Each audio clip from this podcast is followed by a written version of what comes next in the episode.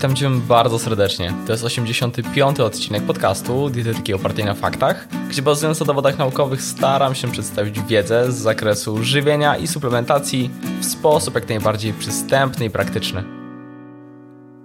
Superfood to popularne hasło, z którym często można się spotkać w sklepach ze zdrową żywnością czy blogach poświęconych tej tematyce. Problem jednak polega na tym, że najczęściej opisy rzekomych superfoods, do których w obiegowych przekonaniach nierzadko zalicza się najróżniejsze rośliny o dziwnych nazwach, w rzeczywistości nie są tak super. Dlaczego? Czym właściwie są superfoods oraz jakie produkty łatwo dostępne można do nich zaliczyć? O tym w dzisiejszym odcinku. Zapraszam do materiału.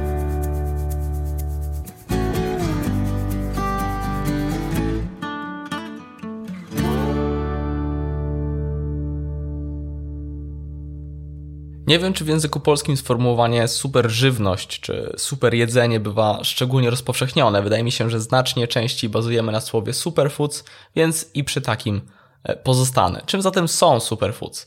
Właściwie nie ma takiej naukowej czy uregulowanej definicji, ale przyjmuje się, że jest to żywność, która jest bogata w związki uważane za korzystne dla zdrowia człowieka, takie jak m.in.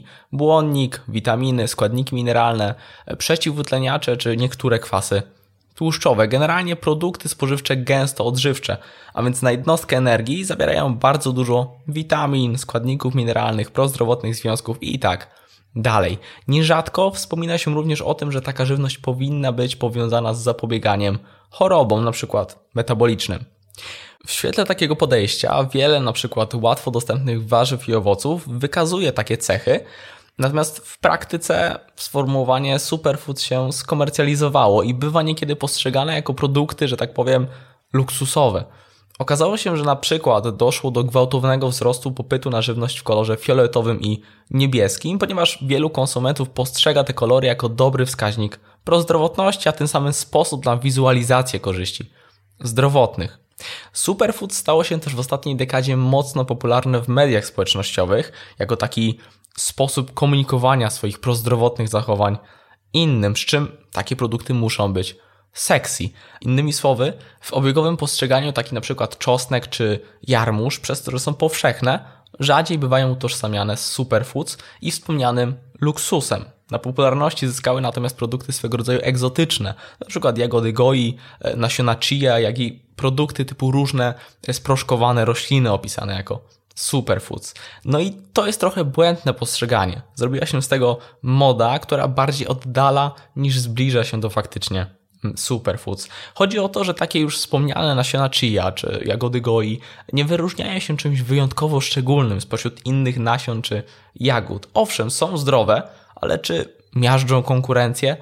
Niekoniecznie. To jest właśnie kłopot z brakiem konkretnych kryteriów do zaliczania produktu do superfoods lub nie. Dla przykładu, porównanie siemienia lnianego, czyli taniego, powszechnie dostępnego do nasion chia, które w ostatnich latach i tak stały się znacznie tańsze niż początkowo. Oba te produkty mają korzystny wpływ na organizm, mogą działać ochronnie w kontekście chorób układu krążenia czy niektórych nowotworów, są bogate w kwasy tłuszczowe omega-3, przy czym konkretnie kwas alfa-linolenowy. Więcej o tym e, mówiłem w podcaście dotyczącym omega-3, do którego link zostawiam w opisie. Zawierają sporo witamin z grupy B, błonnika, niektórych e, składników mineralnych czy lignanów, takich korzystnych dla zdrowia silnych antyoksydantów. I w przeliczeniu na 100 gramów siemię zawiera więcej m.in. kwasów omega-3, lignanów czy potasu, natomiast nasiona chia nieco więcej błonnika czy wapnia. Poza tym ogólnie wypadają bardzo podobnie. Z obu można z powodzeniem korzystać w praktyce. Siemielniane to także superfood. 10-20 gramów dziennie co kilka dni to dobry nawyk. Warto pamiętać, żeby je wcześniej jednak e, zmielić lub namoczyć. I zanim przejdę do innych produktów, które do superfoods moglibyśmy zaliczyć, to warto wspomnieć o pewnych zagrożeniach i samej świadomości. Niestety trzeba uważać na fałszywe oświadczenia dotyczące różnorodnych, szczególnie o dziwnie brzmiących, e, egzotycznych nazwach mm, podpisanych jako superfoods, a tym bardziej suplementach diety, proszkach i tak. Niekiedy wspomina się o właściwościach detoksykujących, oczyszczających czy nawet leczniczych. O tym pierwszym mówiłem trochę więcej w podcaście na temat właściwie pod tytułem Głodówki, co o nich sądzę. Link też zostawię w opisie. Mówię w nim, jak prawidłowo rozumieć detoksykację, bo to trochę szerszy temat i dlaczego trzeba uważać na te detoks produkty. Natomiast jeśli chodzi o drugą kwestię, to należy podkreślić, że superfoods to nie leki. W większości są to slogany nie mające pokrycia w badaniach naukowych. Kolejna kwestia to aspekt prawny, też ważny.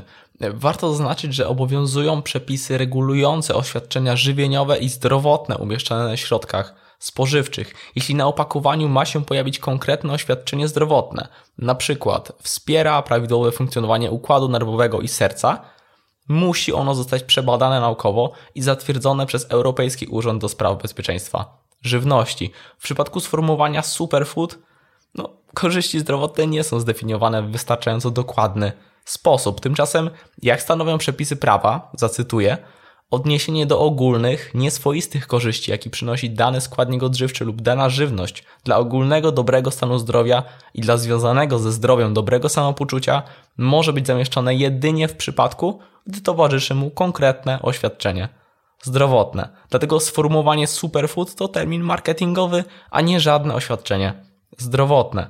Kolejna sprawa to podejście do produktów typu superfood. Oznaczenie niektórych produktów spożywczych jako superfood może sprawić wrażenie, że inne produkty spożywcze w naszej diecie nie są tak zdrowe. Tymczasem w rzeczywistości często dostarczają one składników odżywczych tak samo wartościowych, jak te znajdujące się w produktach właśnie typu superfoods. Większość warzyw i owoców, pełnoziarniste produkty spożywcze, nasiona roślin strączkowych, orzechy i tak dalej to produkty wysoko odżywcze i wartościowe w naszej diecie. Należy pamiętać, że jedzenie na przykład kilku produktów z grupy superfoods nie musi korzystnie wpływać na nasze zdrowie. Fundamentalna jest zbilansowana dieta, no i oczywiście aspekty pozażywieniowe, jak aktywność fizyczna, sen, płaszczyzna psychiczna i tak dalej. Zwyczajnie niekiedy superfoods postrzegane są zbyt dosłownie. Żaden produkt nie jest tak super, by zastąpić zbilansowaną dietę. No dobrze, ale obiecałem powiedzieć kilka słów o produktach, które e, do superfoods można byłoby zaliczyć. Chodzi o to, że charakteryzują się one faktycznie wyjątkowo wysoką wartością odżywczą, najczęściej szczególnie na jakiejś płaszczyźnie, na przykład dostarczając sporo konkretnych witamin, składników mineralnych czy konkretnych związków prozdrowotnych. Postaram się krótko i konkretnie, e, tak mam nadzieję. Numer jeden, owoce leśne czyli maliny, borówki, porzeczki i tak dalej, to bogactwo witamin i przeciwutleniaczy, szczególnie antocyjanów, warto z nich korzystać, w szczególności w sezonie, ale zimą również na przykład korzystając z mrożonek. Numer dwa, zielone warzywa liściaste, jarmuż, szpinak, rukola, sałata i tak dalej to również spora dawka witamin, szczególnie e, folianów, dlatego dobrze jest je mieć w swojej diecie. Numer trzy, zioła i przyprawy często pomijane, ale niesamowite źródło szczególnie różnych antyoksydantów, niekiedy także istotne źródło niektórych witamin czy składników mineralnych, co ciekawe. Tu warto postawić na różnorodność i śmiało z nich korzystać w swojej kuchni. Numer cztery, kawa i herbata. O kawie nagrywałem cały podcast, ponownie zostawię link w opisie. O herbacie nie nagrywałem, ale także jest to bogactwo polifenoli, zarówno czarna, zielona czy biała, to dobry wybór. Numer 5. Orzechy i nasiona. Wspomniane wcześniej siemielniane, orzechy włoskie w Polsce popularne, migdały i tak dalej, to także świetne produkty dostarczające korzystnych dla zdrowia kwasów tłuszczowych. Trzeba mieć jednak świadomość ich kaloryczności.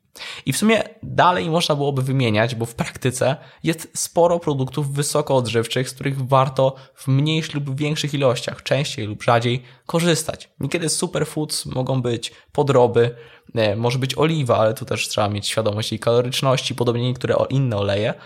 Często w kontekście polskiego superfoods wspomina się o aronii, e, o kaszy jaglanej, to również ekstra produkty.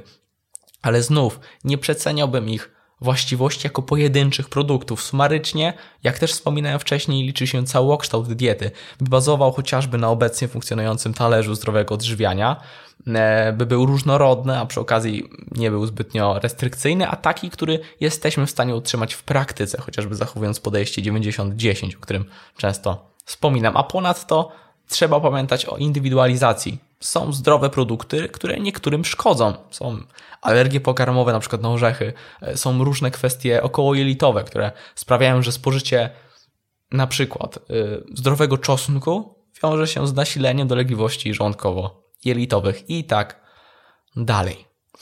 Dochodząc do podsumowania, warto pamiętać, że superfoods to nie jest termin naukowy, tylko marketingowy. Jeśli chodzi o zapewnienie zbilansowanego spożycia, zamiast skupiać się wyłącznie na garstce produktów uważanych za superfood, szczególnie w tym obiegowym, marketingowym ujęciu, musimy zwiększyć zakres wartościowych produktów spożywczych w naszej diecie ogółem, bazując na tym, o czym wspominałem.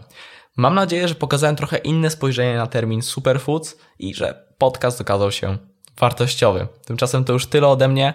Do zobaczenia, do usłyszenia i już niebawem. Hej!